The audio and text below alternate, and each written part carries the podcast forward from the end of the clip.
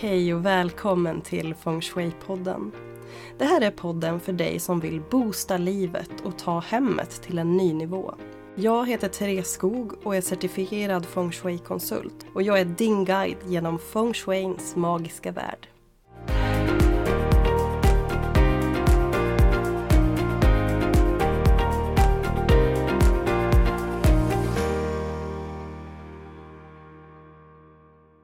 Hej kära lyssnare och varmt välkomna till ytterligare ett specialavsnitt av Feng Shui-podden som släpps direkt in på ett föregående specialavsnitt. Det är första gången i poddens historia, men det här avsnittet var bara för bra för att hålla inne på. Så att jag släppte det direkt och jag hoppas att ni uppskattar att ni får två långa avsnitt på raken. Eh, självklart med otroliga gäster. Den här veckan har jag pratat med Agneta Nyholm. Agneta är ju en av feng shui-världens ja, största pionjärer skulle jag vilja säga.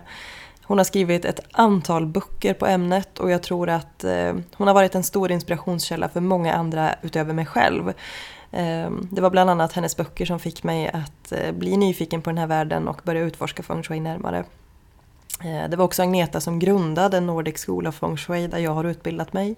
Skolan drivs ju idag av Susanna Utbult och eh, Agneta har eh, en egen eh, skola idag där hon har utvecklat konceptet med feng shui och skapat graceful living. Jag länkar självklart till allt som är värt att veta i avsnittsbeskrivningen och jag hoppas att du verkligen uppskattar det här avsnittet för det är helt fantastiskt. Alltså Agnetas kunskap är ju något utöver det vanliga. Och jag... Alltså hon delar med sig av tankar kring allt ifrån alltså, strukturer på samhällsnivå till eh, hur du kan tänka i det lilla för att hitta inre frid med hjälp av feng shui. Så att enjoy the ride. Det här är ett avsnitt som är helt fantastiskt och värt att verkligen lyssna på. Eh, glöm inte att gilla avsnittet, dela och sprid med andra så att vi är fler som hittar det här fantastiska ämnet och livsfilosofin. Och så hoppas jag att vi hörs igen. Men nu, enjoy!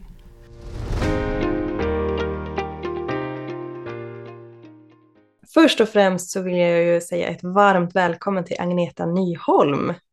Tack! Jag är otroligt glad och hedrad att du ville vara med. Och som jag sa här innan vi började spela in så det är nästan lite, jag är nästan lite nervös. För du är ju en otrolig ja, pionjär inom feng shui får man väl ändå säga. Du har ju skrivit ett antal böcker. Ja, det blev några stycken med åren. Det har, har det onekligen blivit. Det var ett tag sedan men det har blivit några böcker. Ja, och lite som jag sa också, att för mig, du var ju en ganska stor inspirationskälla för mig och den som faktiskt fick mig att börja utforska feng shui och mycket annat eh, som har med, med hem och eh, inre känsla eller vad man nu ska säga att göra. Men vem är Agneta? Vill du berätta lite om dig själv? Ja, det där var ju en intressant fråga. Vem är Agneta? Ja. Det går att svara på så många olika planer, men, men eh, jag, är, jag är en väldigt nyfiken människa. Alltså en, en nyfiken, liten ihärdig sak som ofta försöker att förändra och förbättra och, och ställa ordning och strukturera om. Och, alltså jag, jag, har, jag har en väldigt stark arkitekturådra i mig som, som ser strukturer, ser ordning, ser, ser hur saker är upp uppbyggda, hur de systematiskt kan sättas ihop på bättre sätt för att det ska bli bättre, mm. bättre energi, alltså flöde. Och det många kanske inte vet eller har förstått eh, som kan inte vara så tydligt för min del, det är ju att, att jag är väldigt fascinerad av det med heminredning och trädgård och det är det jag skrivit böcker om, men min stora passion det är, det är städer, alltså det är städer och arkitektur och byggnader och gator och parkeringar och alltså den, så hur, hur saker, hur större system, eh, hur de sitter ihop, alltså hur de, hur de bär varandra, hur de när varandra, hur de ger kraft till varandra eller hur man då, som jag då ofta ser, hur man totalt förstör olika flöden av olika det kan ju vara att du ändrar riktning, på att du stryper en gata, att du inte får göra en vänstersväng. men vad händer liksom energin i området där, där, där vänstersvängen inte får, får eh, eh, där det inte blir liv, där, där man tar bort liv från någonting. Eller om du går in i byggnader. Jag var in på biblioteket här i stan där jag bor och det, i, häromdagen och jag tänkte, men vad är det de har gjort för någonting? Alltså, de har flyttat receptionsdiskarna till den allra, det jag tycker är det allra sämsta läget i hela biblioteket. Och, och då var det väldigt svårt att vara tyst. Alltså jag, jag, jag, jag, är en, jag är en ifrågasättande människa men jag är, och jag är jävligt jobbig på den punkten också många gånger. Så att jag är liksom, alltså svårt att se saker som, som inte fungerar på ett tillfredsställande sätt, ett hållbart sätt. Mm. Och ofta så är, tycker jag att man, framförallt på samhällsnivå när man tittar på byggnader och, så här, och byggnader och arkitektur och sådana saker, man är, att man är väldigt, eh, vad man kallar det för, alltså en, ett tunnelseende, där man inte ser vad man gör i ett större perspektiv med andra saker. Nej. Och förr i tiden så var ju arkitektur och den typen av saker, alltså det var ju en riktig konst. Men idag mm. så är det precis som att där man, det ska gå fort och det, det, det, det skapar miljöer som inte är sunda och friska. Och det här, det här är ju en väldigt stor del av, av mig. Att, eh, om du frågar vem jag är så är det en, en, jag upptas väldigt mycket av mitt arbete och det, det jag gör. Så att det, mm. Har det intresset för om man säger städer och den här arkitekturen och infrastrukturen, eller vad ska man kalla det mm. för? Hur det ja, liksom... det är en bra kallare för en, inre infra, alltså en infrastruktur i en stad till exempel, eller i en byggnad. Ja, har, har det intresset alltid funnits, eller är det någonting som du har utvecklat med åren och med all den kunskap som du har samlat ihop? Ja, det kommer ju. Alltså, jag har man skulle kunna säga att jag är en väldigt sån högkänslig människa så att jag uppfattar saker väldigt snabbt. Alltså allt ifrån ljud och ljus till dofter och väderstreck och mm, allt, allting som finns i en byggnad. Mm. Eller allt som rör sig i vår miljö omkring oss. Även människor är väldigt känsliga för hur, hur så jag känner av människor om de är ledsen eller om de är en miljö, liksom, om den är, känns hotfull eller eller om man känner att oh, wow, vad fantastiskt den här platsen var. Alltså jag känner det väldigt starkt i kroppen och det tror jag är en, en eh, det är väl vi som är liksom högkänsliga, vi, vi har en, en, en, en stor vi, vi blir duktiga på det vi gör för vi kan snabbt se och känna vad som inte, vad som inte fungerar och snabbt korrigera också. Och, men man ska, då måste man ha kunskap om man snabbt ska kunna korrigera det. Mm. Och det är väl där som jag känner att det var magin med feng shui, det var ju att jag verkligen fick eh, lära mig grunderna i hur man, eh, man ska tänka och titta på olika saker och, och det, gav, det gav mig mycket snabbare, tydligare verktyg än vad jag hade innan det. Mm. Tror, jag tänker på den här känsligheten för omgivningen, för energier. Tror mm. du att det är någonting som alla kan lära sig eller är det bara vissa, kanske mer högkänsliga individer som, som kan lära sig? Ja, Först vill jag bara, alltså det, bara det här begreppet att, att känna av energi kommer ju, alltså gör ju att folk blir jätt, många blir jättenervösa och de mm. kopplar ihop det här med massa flummiga konstiga saker. Men det är ju väldigt hands-on när man jobbar med de här sakerna, att man känner att ja, men det är inte smart att sitta mellan en dörr och en fönster om det, om det är för tydliga, eh, om det är för, för alltså att man, man känner att här rör sig energin för fort. Så det, mm. det, det, det, är en, det blir väldigt, alltså jag, jag, jag, bara reagerar för att det här med att, att, känna av energier är liksom ett sånt otroligt laddat begrepp för många människor och det blir mm. så flummigt och så konstigt. Och man, men jag menar, det är ungefär som att om, om, om jag är i närheten av dig, så, så, om, jag är, om jag är känslig, då känner jag om du är ledsen. Det, det, så, det är inte konstigare än så. Jag känner att den här, den här lokalen har inte vädrats på länge eller den här mm. lokalen är, mår inte bra på grund av någonting. Mm. Så att ehm, jag vet inte riktigt om jag svarar på din fråga, men, men, men jag ville bara backa på den saken, så får du, du får mm. gå tillbaka till det du frågade om. Ja, nej men för, för det jag tänker är, jag tror också att alla människor påverkas ju av energierna och liksom vi, om man säger känner energierna. Jag tänker det finns en anledning till att snabbmatsrestauranger är utformade på det sättet som de är, för de vill inte att vi ska sitta där och mysäta i flera timmar, utan de vill att vi ska snabbt inäta och gå därifrån. Ja, absolut. Eh, men jag tänker att jag upplever att vi kanske är olika Alltså, vi är olika tränade eller olika känsliga för... Jo, men vi är ju olika. Alltså, det finns ju människor som, som, som kan, kan eh, eh sova tio timmar i ett mm. stökigt rum eller något sånt där. Och, men det skulle jag säkert kunna också om jag var jättetrött och sådana saker. Men, men, men och, många som man inte liksom känner av nästan någonting i när, när man tycker, men fan kände du inte att, alltså, mm. vilken atmosfär var i, mm, i de det här rummet? liksom inte på det känns det som. Nej, men det har, jag tror också att det har en del av det här handlar om, det, det en del är rent eh, biologiskt, genetiskt, att man är olika, men sen finns det en annan aspekt av det, det är också hur man, är, hur man har uppväxt som barn. Mm. Och jag växte upp i en miljö som var ganska orolig och, och jag var liksom alltid på, på vakt emot vad som hände runt omkring mig och hur mamma mådde och, och alltså vad, vad, vad, som hände. Alltså jag förstod inte alla saker och det gjorde att jag alltid gick på helspänn och försökte läsa av mm. miljöerna och, och då, då blir det ju liksom en, ja. Du är tränad i att känna ja, jag, jag är tränad i att, att, att, att, eh, att avläsa saker. Mm.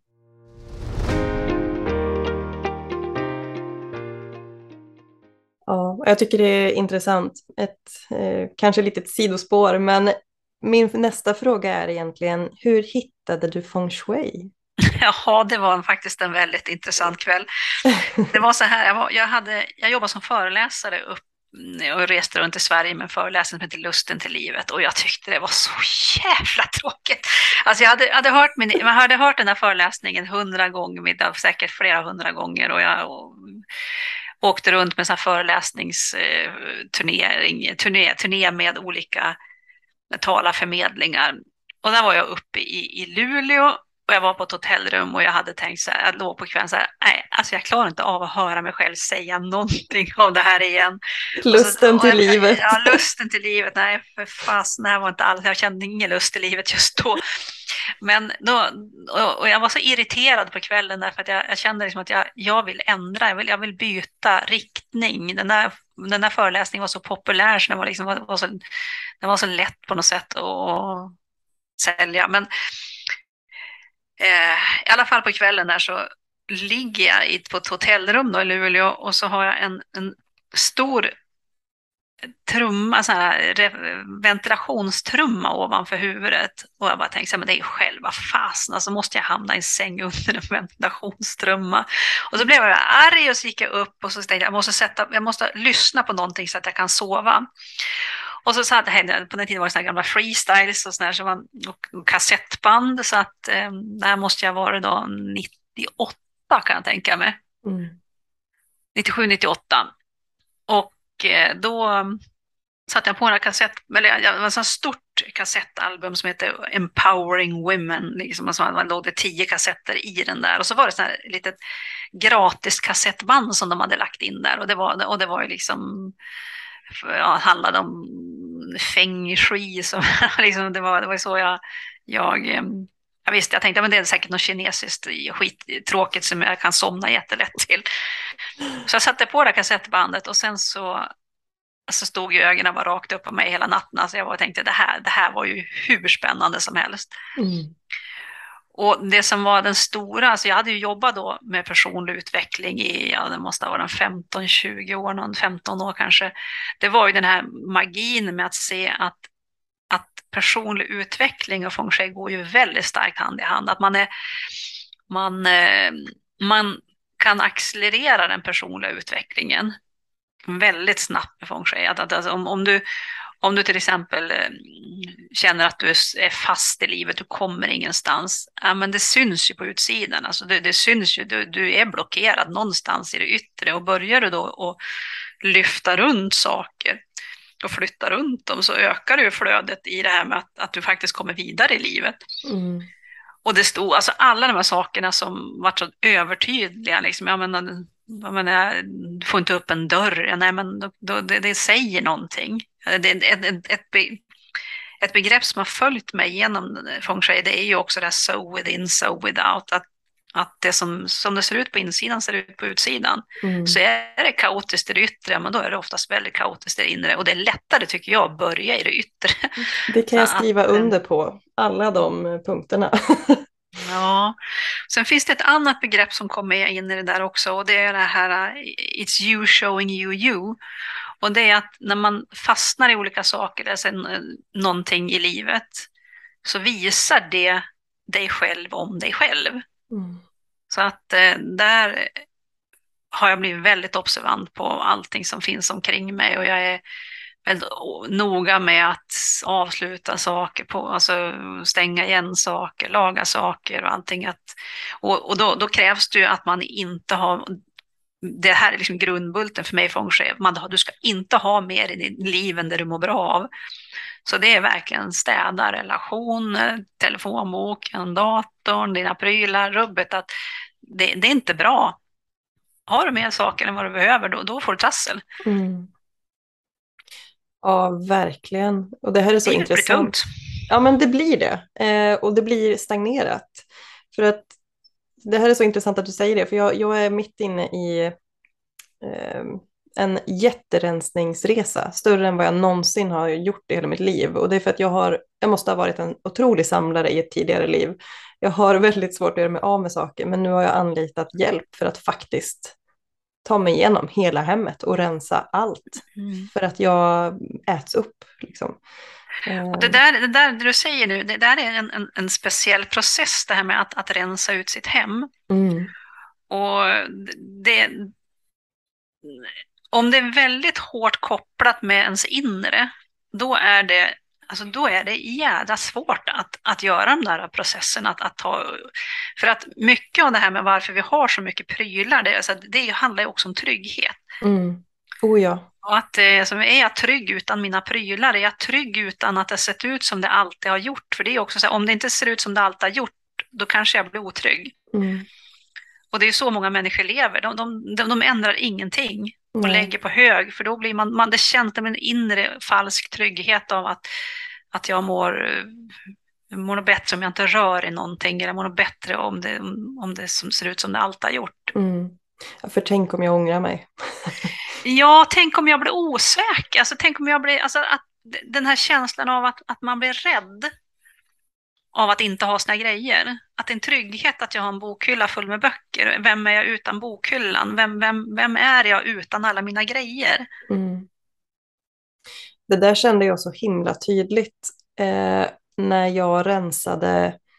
Då har jag, jag har ju förberett mig ganska länge på den här resan som jag hoppat på det här tåget nu. Eh, och har liksom kunnat, när jag tittat på mina badlakan till exempel, så har jag känt ganska tydligt att de där ger mig inte glädje, de vill jag inte ha kvar, medan de här badlakanen vill jag ha kvar. Mm. Och när jag väl ställde mig och skulle rensa mina badlakan så var jag, jag var väldigt ledsen den dagen. Eh, det hade varit, hänt massa grejer och det var jobbigt liksom.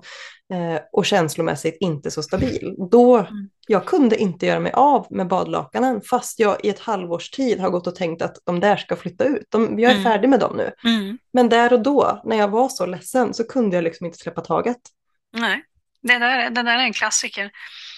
Och det, det är ju det här, alltså, jag gjorde ett, ett tv-program som heter Ett rikare liv för många, många år sedan.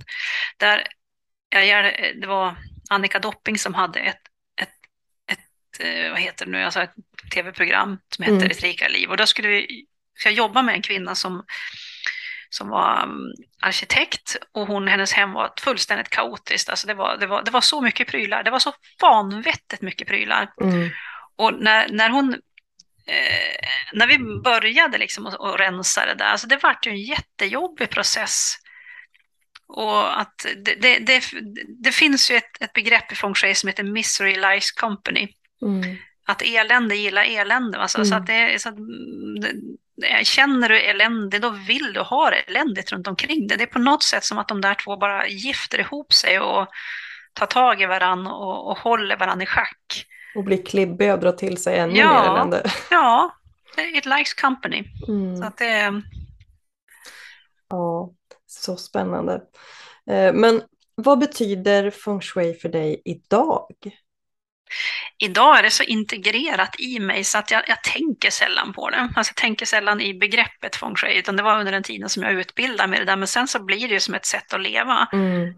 Att leva i harmoni med, med naturen, med, med omgivningen. Att försöka mm, alltså konstant alltid göra så bra som möjligt runt omkring mig själv och andra. För det är ju, Mm. alltså det är ju verkligen eh, jag har en väldigt stark altruistisk ådra som där jag verkligen är riktigt mån om andra människor. Mm. Så jag vill ju göra, vill att det ska se bra ut på sjukhus och på, på mm, ja, skolor och i hemmen hos människor och i trädgårdar och i bilar. Ja, precis. Och jag fick en förfrågan häromdagen som jag, den, den är, det, det var en feng shui-förfrågan. Och det var om att jag skulle kommentera en fot, hur fotbollsarenor är uppbyggda.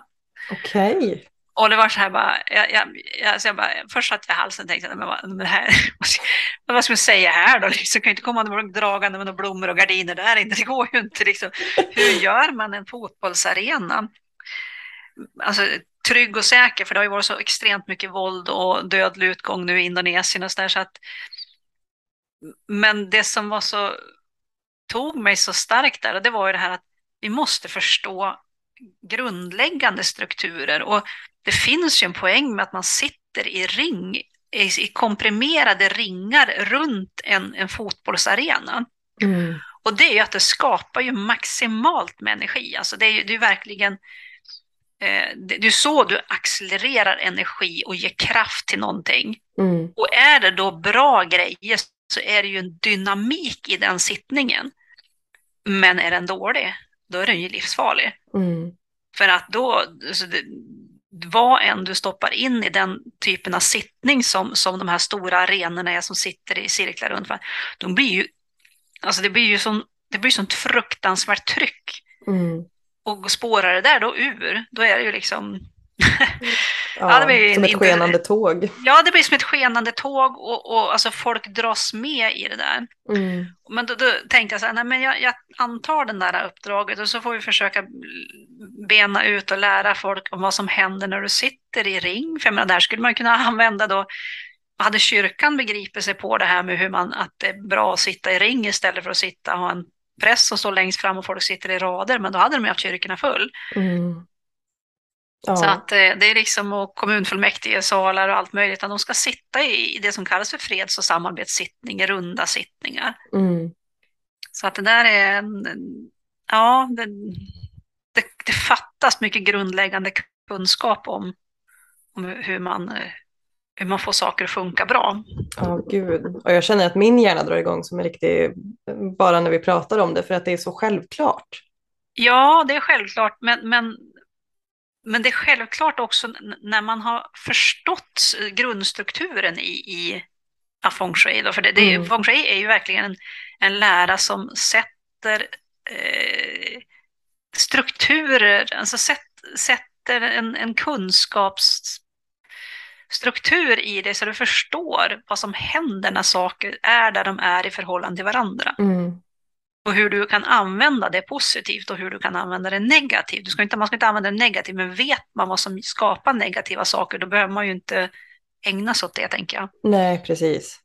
Nej, och det minskar ju risken för att man gör sånt omedvetet. Eh, mm. Eh, för det kan ju faktiskt vara så att man rent, att man förstör eller skadar genom okunskap. Liksom. Mm. Och det kan man ju undvika när du vet. Ja. Eh, men det här med feng shui, hur, har du utbildat dig någonstans? För du var ju den som faktiskt startade Nordic School of Feng Shui, där jag är utbildad, fast många, många år senare. Mm. Eh, men har du läst på någon skola eller är du självlärd? Eller hur ser din... Nej, jag har, jag har utbildat mig mycket. Jag har ju varit i USA flera gånger och under de första åren har jag utbildat mig där. Mm. Också varit i Kina. Mm och också gått andra, andra eh, kortare utbildningar runt omkring i Europa på, på, i många olika eh, sidspår på, på, på feng shui. Mm. Så att det, det, krävs ju det krävs kunskap, man krävs utbildning för att, för att hålla på med det där. Absolut. Men sen är det också att, att allting inte riktigt um, Allting överstämmer inte med, med varandra heller i, det man lär sig och då måste man ju förstå vad beror det på då i sådana fall. Mm. Ja, absolut. Och det är det jag tycker det är så intressant för jag upplever att du har ju utvecklat livsfilosofin till i nästan ditt eget eh, sidospår. Sen är ju det hopplockat med många olika eh, Ja, det är som ett pussel med en massa kunskapsbitar.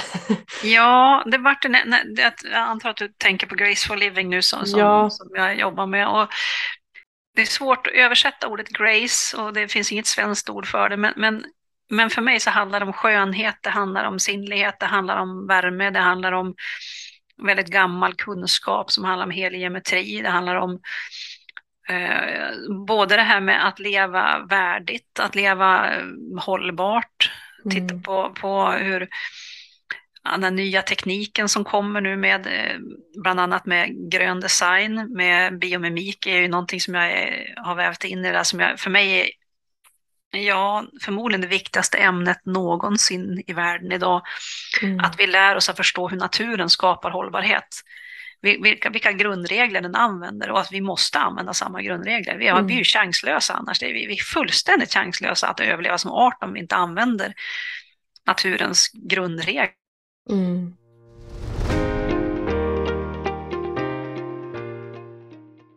Jag tänker att vi kan komma tillbaks lite till Graceful Living och eh, det som du gör idag. Mm. Eh, för jag ställde nämligen en fråga på Instagram till mina följare om det var någon som hade frågor till dig. Mm. Eh, och bland annat så dök det upp frågor. Vad är det för likhet och skillnad mellan wabi sabi och feng shui? För att wabi sabi är också någonting som du har, visst har du skrivit en bok? Ja, jag har skrivit en bok om det. Ja. Mm. Eh, så vad är wabi sabi och vad finns det för likheter och skillnader mellan feng shui och wabi sabi? Ja, om man säger att feng shui är ju mycket alltså strukturer, färg, form, symbolik. Du, du, du iscensätter, du, du riggar en miljö, du, du bestämmer en placering, du ser till att den är trygg och säker, den är, den, är väldigt hands-on. Wabi-sabi är ju svåröversatt, men det är ungefär som tidlös visdom, alltså en tidlös skönhet som... Det, det, jag skulle säga att, att wabi-sabi är som själen mm. och, och, och feng shui är kroppen, liksom, att den är det är wabi-sabi mer hur du, hur du lever med den, med den här miljön. Mm. Och, och, där handlar det väldigt mycket om att eh, träna sig att det inte ska vara perfekt, att träna sig att acceptera saker som man kanske inte kan påverka. Det handlar om att se skönhet i det som är eh, kanske inte perfekt eller kanske det är till och med det som är trasigt. Att eh, den, den väldigt skön, skön anspråkssätt, anspråkslöst sätt att leva. Mm. Och då och kombinerar du ihop de där två, då får du, du får en bra, bra liv. Mm. Wabi Sabi, när jag tänker på det, känns ju som Grace. Ja, absolut. Det var väl därför det vart Grace för ja. Wabi Sabi, för att, att det var ingen som visste vad Wabi Sabi var. Nej. Det var liksom det, det som, jag vet inte, var, var nog inte någon genomtänkt tanke så, men, men mm. Nej, det, det, det ligger något i det. Ja, nej men för jag tänker framförallt på det här med tidlös skönhet. Det tycker jag är väl så nära nästan en översättning man kan komma till Grace. Ja, det, eh. det, det är det. Mm. Ja. Mm. Som sagt, du har ju utvecklat feng shui och idag lever det på ett sätt. Eh, men jag fick en fråga där som lyder hur du använder feng shui i ditt eget liv, det vill säga jag, jag, tror att den här personen kanske syftar lite på Bagwan eller så. Finns det någon viss del av ditt liv eller hem som du fokuserar extra på just nu? Ja, eh, det kan man väl säga. Alltså, eh, jag har väl brottats en del med hälsoproblem de sista åren och eh, det, som, det jag känner nu, det har ju också att göra med, med vilken tid på året vi är på väg in i november. Och då är det ju, det är ju den, den mest stillsamma månaden, alltså det, det är liksom, det är den sista innan midvintern så är det den sista fasen som... som och där, där är väldigt viktigt för mig det här med att, att verkligen gå ner i varv. Mm. Och då, ja, då, då tänker jag mycket på det hemma. Det är mycket, så fort jag kommer hem då tänder jag skön belysning, jag tänder ljus, jag tänder en brasa vedspisen. Jag tänker mycket på hur mitt sovrum är inrett så att det känns eh, skönt, tryggt. Och, alltså det känns som att jag boar. Mm. Jag boar alltid på, på hösten mm. inför vintern. Mm. Och sen så när vi kommer liksom framåt eh, februari, mars där, då, liksom, då, men då, är det ju, då byter jag ju gardiner, jag byter mattefiltar, alltså jag, det blir lätt lättare, ljusare, jag vill mera ut, jag vill sitta på bron och fika. Och liksom det, den, den, alltså jag lever väldigt nära årstiderna och färgerna som påverkar årstiderna. Mm. Och jag tänker, för det där är ju också, man känner ju energimässigt om man lyssnar så känner man ju verkligen hur energierna förändrats genom året Mm. eh, med årstiderna och eh, så jag jobbar ju i möbelbutik i vanliga fall eh, och det är många, många kunder som kommer in nu på hösten och säger åh, nu vill jag hem och boa. Så att jag tror att Mm. det, det är Ja, men väldigt... det, det sitter i oss. Alltså vi, Ja, det är en, eh, en jätteviktig del av, av... Och det är också att det skapar trygghet. Och det är en- av de sakerna som jag tänker mycket på hemma. Det är det här hur mycket släpper jag in i mitt hem som inte ska vara där. mm, Och jag, väldigt, alltså jag lyssnar på nyheterna på morgonen men det är inte många minuter. Det är liksom, jag skulle aldrig kunna tänka mig att ha eh, tvn och nyheter och sånt på rullande hela tiden hemma för att det, det präglar ju vad jag tar in. mm. Ja, absolut. Och det där tror jag är någonting som är, eh, om jag bara går till mig själv, att det kan vara svårt att förstå att jag kanske måste, att jag behöver stänga av nyheterna. Ja, och inte bara nyheterna, för det är ju också det här eviga scrollandet på telefonerna. Mm, Och och det har liksom, jag har märkt, jag tycker digitaliseringen har, har den, den går ju snabbare och snabbare och blir mer och mer, men den, är, den har nått en punkt där den känns som att den börjar bli ruggigt skadlig. Mm, Och där, där alla måste ta sig själv i nackskinn och säga så här, hur mycket använder jag det här? mm, Hur lever jag? Alltså ser jag verkligen om jag har ett barn eller en förälder i närheten som mår dåligt för att jag sitter nedsjunken i Netflix eller i, i Facebook eller Instagram eller något sånt där. Och, och så ser jag verkligen att eh, löven ändras utanför fönstret. Känner jag vinden överhuvudtaget eller upplever jag maten jag äter? mm. För att jag är så inne i en digital värld som är... Alltså, ja, det, ja, det är en låtsasvärld. Mm, Och den matar den här låtsasdelen i oss konstant hela tiden. mm, Så att det där är, jag tycker det, att, jag börjar tycka att det börjar röra sig till en gräns där det är riktigt skadligt. mm. Och där tänker jag, vi vet ju inte än vad det kommer att ge för konsekvenser på, på våra hjärnor, på våra kroppar, på vårt mående eh, på längre Vårt sikt. mående känns det som att den, den saken har visat sig. Ja, men, men jag, men jag tänker, jag tror att det kommer mycket- bli katastrofala följder eh, som med tiden kommer att bli ännu tydligare. Ja, det Eh, tror jag också. Tyvärr. så- Men det är som sagt var, det, det, det, det kommer ju an på oss att vi måste fundera, vad mår jag bra av? Mm, Vad är viktigt i mitt liv och lägger jag tid där? mm. Där tänker jag att du nästan har svarat på min nästa fråga. Eh, för det var nämligen hur du, eller hur skulle du säga att man kommer i kontakt, nej, hur skulle du säga att man kan applicera feng shui för att eh, hitta ett inre lugn, en inre frid? Eh, jag tänker att det du precis sa nästan är Ja, det handlar ju om att, att hela tiden leva med, med en frågeställning. Vad är det som är viktigt i mitt liv? Mm, Vad behöver jag?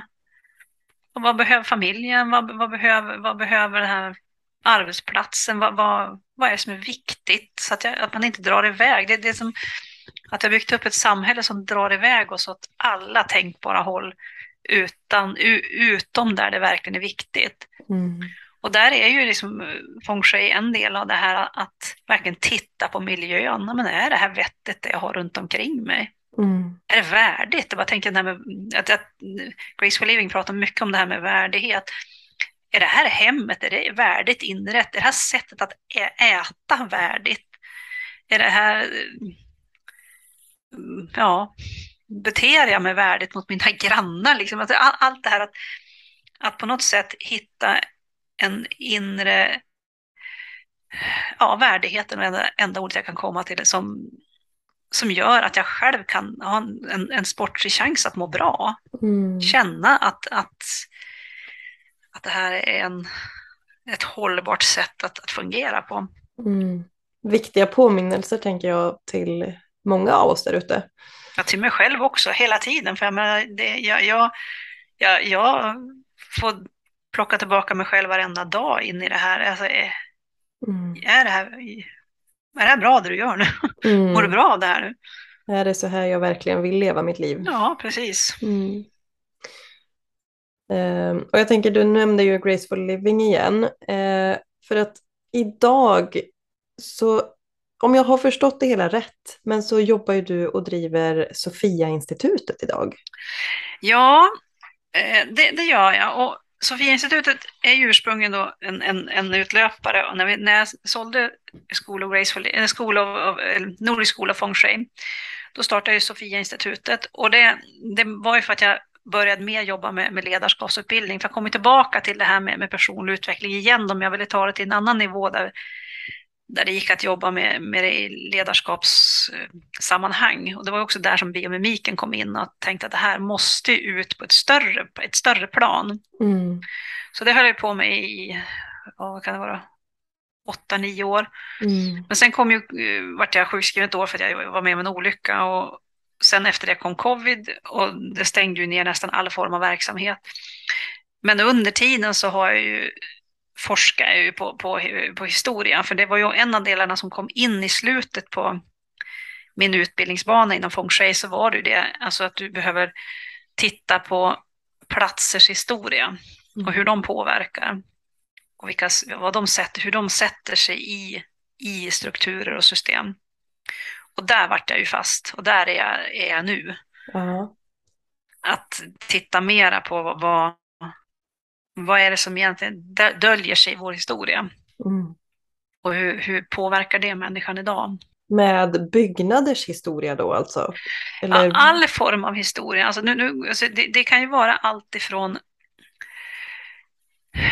Alltså du, det kan vara allt från att du bor på en, på en bronsåldersplats, hur mm. påverkar det? Alltså hur, hur, vad, vad händer om det har varit, hänt saker på en plats? En av de intressanta sakerna som verkligen fick mig att, att starta där, det var en, jag, var in, jag skulle köpa ett hus, jag och min man. Och så var vi inne i ett hus och jag hade tittat på det huset och det var så vackert, det var så fint, alltså trädgården var så fin och huset var sådana gamla sekelskifteshus. Mm. Så kom vi in med, med, med mäklaren i huset. Och så när bara vi klev in i, i huset så det var det som att att jag kunde inte andas. Alltså det, var liksom där, det, det var som att det var så, uh, uh. Ja, men det var, det var så konstigt och vi gick runt och jag, jag såg alla saker som jag älskade, kakor och ugnar. Jag såg, äh, det var, var, var så, ett så vackert hus, vacker interiör, men det gick det var verkligen som att man tog stryptag på mig där inne. Alltså det var, och vi gick runt och tittade tittade på övervåningen och vi var nere i källaren och det var, var ett av rummen där som var, nej, det var bara kändes, jag sa till Micke så att nej, men vi, vi går ut därifrån, det, det, jag tror inte det här är rätt ställe, jag vet inte varför. Så kom vi ut på, på utehuset och då var min, min man som jag levde med då, han, han, är ju, han hade ju, alltså han tyckte själv att han var djup som en kaffekopp och han, hade liksom, han, hade, han, han, han fattade ingenting om energier eller någonting. Men det var så att när han kom ut därifrån så, så hör jag bara han bara säger så, fy fan! Så bara, och då säger mäklaren, ja, jag vet inte vad jag ska säga, men kanske förstår ni nu att inte huset är sålt liksom. Och jag bara så, ja, typ, ja, jag förstår. Och, alltså, och det kändes som min man han sa ingenting. Alltså på, på, alltså, när han bara gick och muttrade. Men usch vad äckligt. Och gud vad hemskt. Och alltså, vad, vad har hänt i det där huset? Mm. Och då tänkte alltså, alltså jag, jag, eftersom jag snabbt reagerade så tänkte jag men det där är väl kanske någonting man kan lösa med färg och form. Och där det lite ljus här så kanske man kan få bort det här. Eller man, men det var en sån väldigt, väldigt stark upplevelse av att att, ett, att hur ett byggnad kan vara präglad av, av, sin historia. Och det var ju, det hade ju bott folk, i, alltså ett, ett, ett, par i det där huset som verkligen inte mådde bra. Mm. Och det var som att hela huset bara kokade av den här energin, ångestenergin som var där. Mm. Och när till och med Micke då för, för, kunde, kunde uppleva det där så då var det som att jag tänkte, nej men det här är, oh Jesus. Och till, och, och när, till och med mäklaren nästan ville tvättas när han gick ut därifrån. så var så, jaha, okej. Okay. Men var det då? Upp, det kom upp där i samband med det där också att det fanns hus som kallades i mäklarsamfund för skilsmässohus. Mm. Där, där det bara rullar runt skilsmässor runt, runt, runt. Oh. Så att, och då, då, började, då väcktes den ådran, det här måste jag ju gå in i djupare och se hur, hur, hur påverkar det här? Ja. Men finns det någon, alltså jag, jag, jag har ju de verktyg som jag har lärt mig utifrån feng shui hur jag kan förbättra. Men finns det något knep? Vad gör man då om man nu bor i ett skilsmässohus eller, eller om man... Ja, vad gör man? Kan man göra någonting för att förändra husets energi eller är det liksom... Ja, det finns ju mycket, mycket utbildningar i, i sånt här. Och, det här, jag, har, jag är utbildad i det och jag har utbildat i det också. Så att Eh, men mycket handlar om intention. Det handlar om att kunna avläsa snabbt om det är någonting som går att påverka. Till bara sådana saker som är väldigt svåra att påverka och som, och som ställer till mycket osyn, osynlig dålig energi. Det är ju elektricitet. Mm. Alltså kraftledningar och du, om du är i ett rum. Jag kommer ihåg att jag var inne i ett barnrum en gång och, och pappan sa så här, ja, vi fattar inte när treåringen vänder sig i sängen. Alltså varenda morgon vi kommer in, då har ungen vänt sig i sängen och ligger med huvudet åt andra hållet. Och då var jag så här, men vad har ni på andra sidan väggen? Ja, men då satt ju en, en, en transformator, det var som en el, elskåp som satt alldeles bakom huvudet på den treåringens säng. Nej. Och det, alltså en, en, en vägg kan inte avskärma eh, elektricitet. Så att eh, det var ju, det, ungen hade av ren självbevarelsedrift vänt sig i sängen för att få bort huvudet. Man är mest känslig runt huvudet och att mm. vänt sig. Så att det är mycket som, eh, som, eh, som finns som vi inte ser, men som är ganska, ganska självklara många gånger. Mm. Men är, om man är intresserad av att lära sig mer om det här, är det någonting som, man, som du utbildar i idag? Eller? Nej, det gör, det gör jag inte. Men, eh, men jag, jag, har ju skrivit en bok om det, men jag vet den som heter Feng Shui för Moder Jord. Den handlar ju om hur man, hur man ändrar energi och hur man, hur man ändrar eh, saker, hur man påverkar en plats om den, är, om den har varit, om det finns trauman på en plats. Så den, den eh, kanske går att få tag på bokbörsen eller något sånt där. Det var länge sedan jag gav ut den där, men, men den, den är, jag tycker det där är intressant. För det, det, mm. det är som att en, man ärver, en plats ärver, ja, hur ska man säga? Den, den energispår. Ärver, ja, energispår kanske är ett bra sätt. Om vi, vi tar till exempel Eh, bara Härnösand som jag bor i då, det är en makt och myndighetsstad, det är en residensstad, det är en kyrkostad, det är en, en, eh, alltså ett lärosäte. Och bara att det, är, att det är en sån historisk prägel på en stad gör att den inte är speciellt, den är inte lättrubbad. Alltså den är, alltså det, det är liksom den, den, den bilden studsar tillbaka lätt i den, de gamla strukturerna sitter i väggarna och håller kvar. Mm. Så, men, men är man medveten om det, då kan man ju påverka det på ett annat sätt. Mm.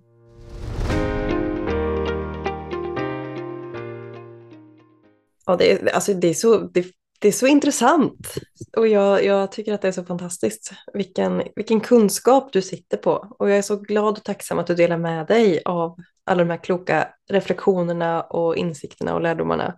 Men vad erbjuder Sofia-institutet idag? Ni har det, dragit det, igång lite igen ja, ja, absolut. Och vi har ju väckt till liv då School of Graceful Living igen och jag har fått en kollega som heter Malin Cederblad som jag är jättetacksam för som tar över administrationen och så vi kan fortsätta för vi har ju en inredningsutbildning mm. där liksom man verkligen eh, går in djupt i det här med hur, hur man skapar sunda friska miljöer. Mm. Livskraftiga miljöer. Så där, där är och där jobbar vi ju också med, med onlinekurser med Besjäla ditt hem som är alltså hur man ja, man steg för steg får ett mera besjälat hem. Mm. Ett skönt hem, ett mysigt hem, ett trevligt hem. Och sen så jobbar jag ju, jag, jag forskar ju nästan, alltså alldeles för mycket just nu på, så, om, om historia och, och så. så att det, men det, det, det, det, är väl på väg på sin, på sin upp, jag orkar nog inte hålla på så länge till med det där. Men forskar du då på, är det på egen hand eller forskar du via något universitet eller någon? Eh... Nej, jag, for, jag, forskar på egen hand tillsammans med en man som heter Sture Norberg och vi, vi jobbar, vi går igenom mycket mycket avtryck i landskapet i form av ortnamn och hur, hur, hur ortnamnen präglar platser och vad, vad ortnamnen innehåller och vad de döljer. Och vad de... Så att det är en, en spännande, mycket spännande resa. Kanske en, en, en fråga som är helt uppåt väggarna, men har du någonting spontant som du kan säga om Trollhättan? Ja, det kan jag definitivt göra. Och det är ju att eh, Trollhättan är ju ett sånt där, eh, jag, nästan ett, ett av de ord, ortnamn som gör mig mest förbannad. jo, men, nej, men, nej, men för, det är tolkningen av Trollhättan som gör mig förbannad. Det är inte Trollhättan som sådan som, som gör mig arg, utan det är hur man har tolkat det. Och då har man eh, då har man, de tolkar allting som att det är någon form av naturformation och då ska då Trollhättan ha fått sitt namn efter något berg och det finns ju något, något berg i Trollhättan men då har de fått det till att det, är, att det är en slänt, en brant slänt i Trollhättan som ska ha gett någon form av hattfunktion. Alltså det, det, det är så jävla tramsigt runt omkring det där ortnamnet. Alla vet att eh, alla som har lite historisk kunskap vet att troll det är en beteckning på något djävulskap. och hetta är någonting man har på huvudet. Men det betyder ju inte att, att, att det är något djävulskap som har pågått i Trollhättan, utan det är att man har tolkat det som någonting och då är det någonting hedniskt. Alltså det är någonting som går tillbaka till till, eh, alltså till långt före kristendomen kom hit. Det kan vara fruktbarhetskulter, det kan vara eh, alltså, det sättet som vikingarna innan kristendomen kommer in, hur de bedrev kult och hur, hur de, eh, deras religiösa yttringar. Och om inte jag minns fel, jag kan inte alla de här platserna utan till så har ni en plats som heter Gull, någonting i mitten, Gullön, Gull, de, den, det ska vara någon liten eh, ö någonting i mitten där. Spikön? Nej. Ja. Det är mycket möjligt, jag är ja, inte Men det, det är i alla fall, det, det, jag tror att det är någon liten gullholm eller någon liten gullplats i mitten där. Och där, där, där skulle jag börja leta i sådana fall då, om, om jag skulle börja forska på, på, på Trollhättan. Men, men jag är nöjd med att bara bli irriterad över att, hur korkad tolkningen var på det. Åh, oh, vad roligt. Ja, det, nu är det här ett sidospår. Ja. jag tror vi får, får, får studsa tillbaka här nu, för annars drar du igång mig ordentligt här. Men det är väldigt spännande i alla fall. Ja, det är det. Eh, Men om vi backar tillbaka till Sofia-institutet och eh, utbildningen i Graceful Living eh, så vill jag minnas att det skulle starta en ny kurs nu i början på november va? Ja, vi, jo, vi startar nu den 3 november, det är nästa vecka på torsdag. Då, Ja. vi, då börjar besjäla ditt hem då, så man kan gå 21 dagar eller 21 veckor. Är det full, full Nej, det, kan, det, det är digitalt, det är online så att det, det, det går, det finns platser på det, på det. Det kan vi vara många på. Jag tänker om det är någon som lyssnar som, som kanske är intresserad av att haka på så här i sista minut inför, går det och, och... Ja, det vore jättekul om de gjorde det. Verkligen jätte, det skulle vara uppskattat. Det, det är roligt, vi går igenom, eh, det är tre, tre online eh, där, man, där, vi, där vi ses tillsammans då på Zoom och sen är det då man får varje vecka eller varje dag en, en, eh, en övning och en film Mm. för att få skönare hem. Och jag har faktiskt gått den kursen tidigare. Jaha, Och jag tycker att den var jätte, jättebra, så jag kan varmt rekommendera den om någon är nyfiken. ja, kul. Eh, Det var väl investerade kronor och det var inte, inte jättedyrt för ändå mycket matnyttigt som man fick ut av det. Så eh, det, det kan jag verkligen rekommendera. Och jag tänker att jag länkar till eh, Sofia institutets hemsida i... Det är nog bättre att du länkar till gracefulliving.se. Mm. Det, det är där de här kurserna ligger och där ligger också den här långa inredningsutbildningen som börjar eh, nästa höst, ettårig. Då länkar jag till gracefulliving.se. Och vi börjar faktiskt närma oss eh, slutet tänkte jag säga. Det känns ju väldigt sorgligt att säga att det är slutet, men det är det ju för det här avsnittet i alla fall. Eh, men om det är någon lyssnare som vill komma i kontakt med dig på något sätt, går det att få tag på dig någonstans eller? Gå in på gracefulliving.se så, så finns det kontaktuppgifter där. Ja. Eh, Och som sagt, länken ligger i avsnittsbeskrivningen så då kan man gå den vägen. Men jag har ju en fråga och det är vad drömmer du om? Vad är liksom nästa steg i, i livet? Vad drömmer du om? Ja, jag drömmer om många olika saker, men, men det kanske djupaste, det är väl den här känslan av att få uppleva att nu går det i rätt riktning, alltså verkligen. Och nu tänker jag på ett ganska stort plan, alltså en samhällsplan, världsligt plan, att, att nu känns det som att nu går det, nu går det ordentligt i rätt riktning. Mm. Och jag vet vad som skulle kunna, kunna göra det. Och en av de sakerna är ju inom biomimiken och det är att om vi skulle hitta lösningen på hur man kopierar fotosyntesen, mm. då skulle det verkligen hända saker. Verkligen, verkligen hända saker. Går den att kopiera då, då behöver vi inga, då, behöver, då, kommer vi kunna värma upp våra hus, vi kunna vi, vi, tanka bilar på, på, på, på sol, solstationer som vi har hemma mm. utan no, något förödande utsläpp eller någon kemikalier eller någonting. Mm. Har du någon fråga som du vill ställa innan, eh, innan vi avslutar? Vad drömmer du om? Oj, massor. Mm. um, nej men jag drömmer om uh, att kunna styra min tid. Uh, att kunna fortsätta inspirera andra. Att uh, inleda sina livsresor, vad man nu ska kalla det för. Men att, att kunna leva i harmoni med naturen och andra människor utan att göra någon skada. Ja, vackert. Ja. det är vackert. Ja. Det är vackert och så viktigt, så vansinnigt viktigt. Ja, men det är så. Jag tänker den här frågan om vad man drömmer om, det är så lätt att man hamnar i, för, för det är klart att jag drömmer om men, ett hus på landet och alltså sådana rent, vad ska man säga, materiella saker eller liksom mer eh, själviska eh, drömmar eller vad man ska säga. Men när jag tänker mer långsiktigt så vill jag ju att våran värld ska må bra. Jag vill kunna bidra på ett positivt sätt. Eh, kunna sprida hopp, kunna sprida inspiration till andra men samtidigt inte göra någon skada. Mm. Eh, det är det jag verkligen vill. Eh.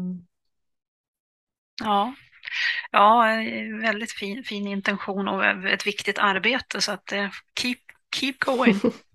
Och kan jag hjälpa dig så, så gör jag gärna Gör det. du? Vi kan, vi, kan, vi kan göra fler poddar. Ja, det är klart vi kan. Blir, ingen blir gladare än jag om du vill vara med fler gånger. Mm. Ehm, men tusen, tusen tack Agneta för att du ville vara med i Feng Shui-podden. Tack själv, jag är jätteglad att jag får vara med. Ja, det, jag är superglad. Eh, och tack till er som har lyssnat.